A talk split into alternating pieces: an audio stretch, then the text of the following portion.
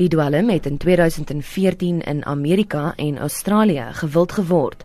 Volgens Pelay kon hul stigting nog nie vasstel waaruit presies die dwelm bestaan nie. Dit word egter 100% sinteties vervaardig.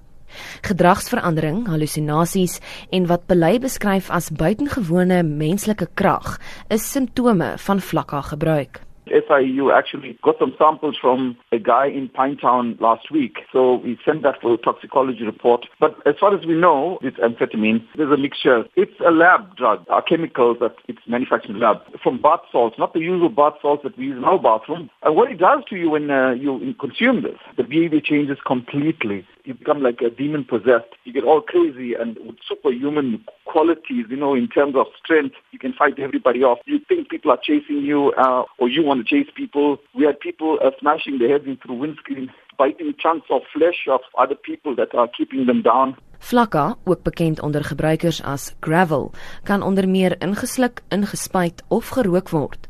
Belei sê sommige dwelmhandelaars verkoop dit sonder om vir verbruikers te sê wat presies dit is. People are swallowing it, people are lacing drinks with it. Two guys that we dealt with, they said they had the drinks were laced and then only after consuming the drink they realized that they were drugged. So we learned from that experience as well in the spiking of drinks.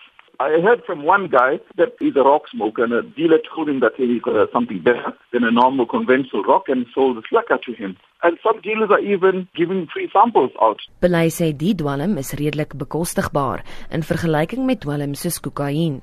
Gevalle van vlakka gebruik het onlangs in gedeeltes van Wentworth, Chatsworth en Pinetown in KwaZulu-Natal opgeduik. This is how it starts. It comes to one spot and then from there it starts spreading. And that's why we're working very closely with the crime intelligence people, you know, to work out the source of this. We don't know the source yet because it's very, very new, but we know of three areas that where we found it. If you compare it with others, like weed is only five rand to 250 rand a bag of cocaine. So this is in the middle, middle range. But people experiment also, you know, depending on where they are And this is where I think it will be sold in bars and parties. Hy sê dwelmgebruik neem tydens die feestyd toe en waarsku dat mense van vlakka moet wegbly. Schools will be out, Christmas parties will be happening, and that's when we get these people offering new stuff on the market. And that's what people should be very wary about. And look out for the salt crystal. If you find that, don't touch it.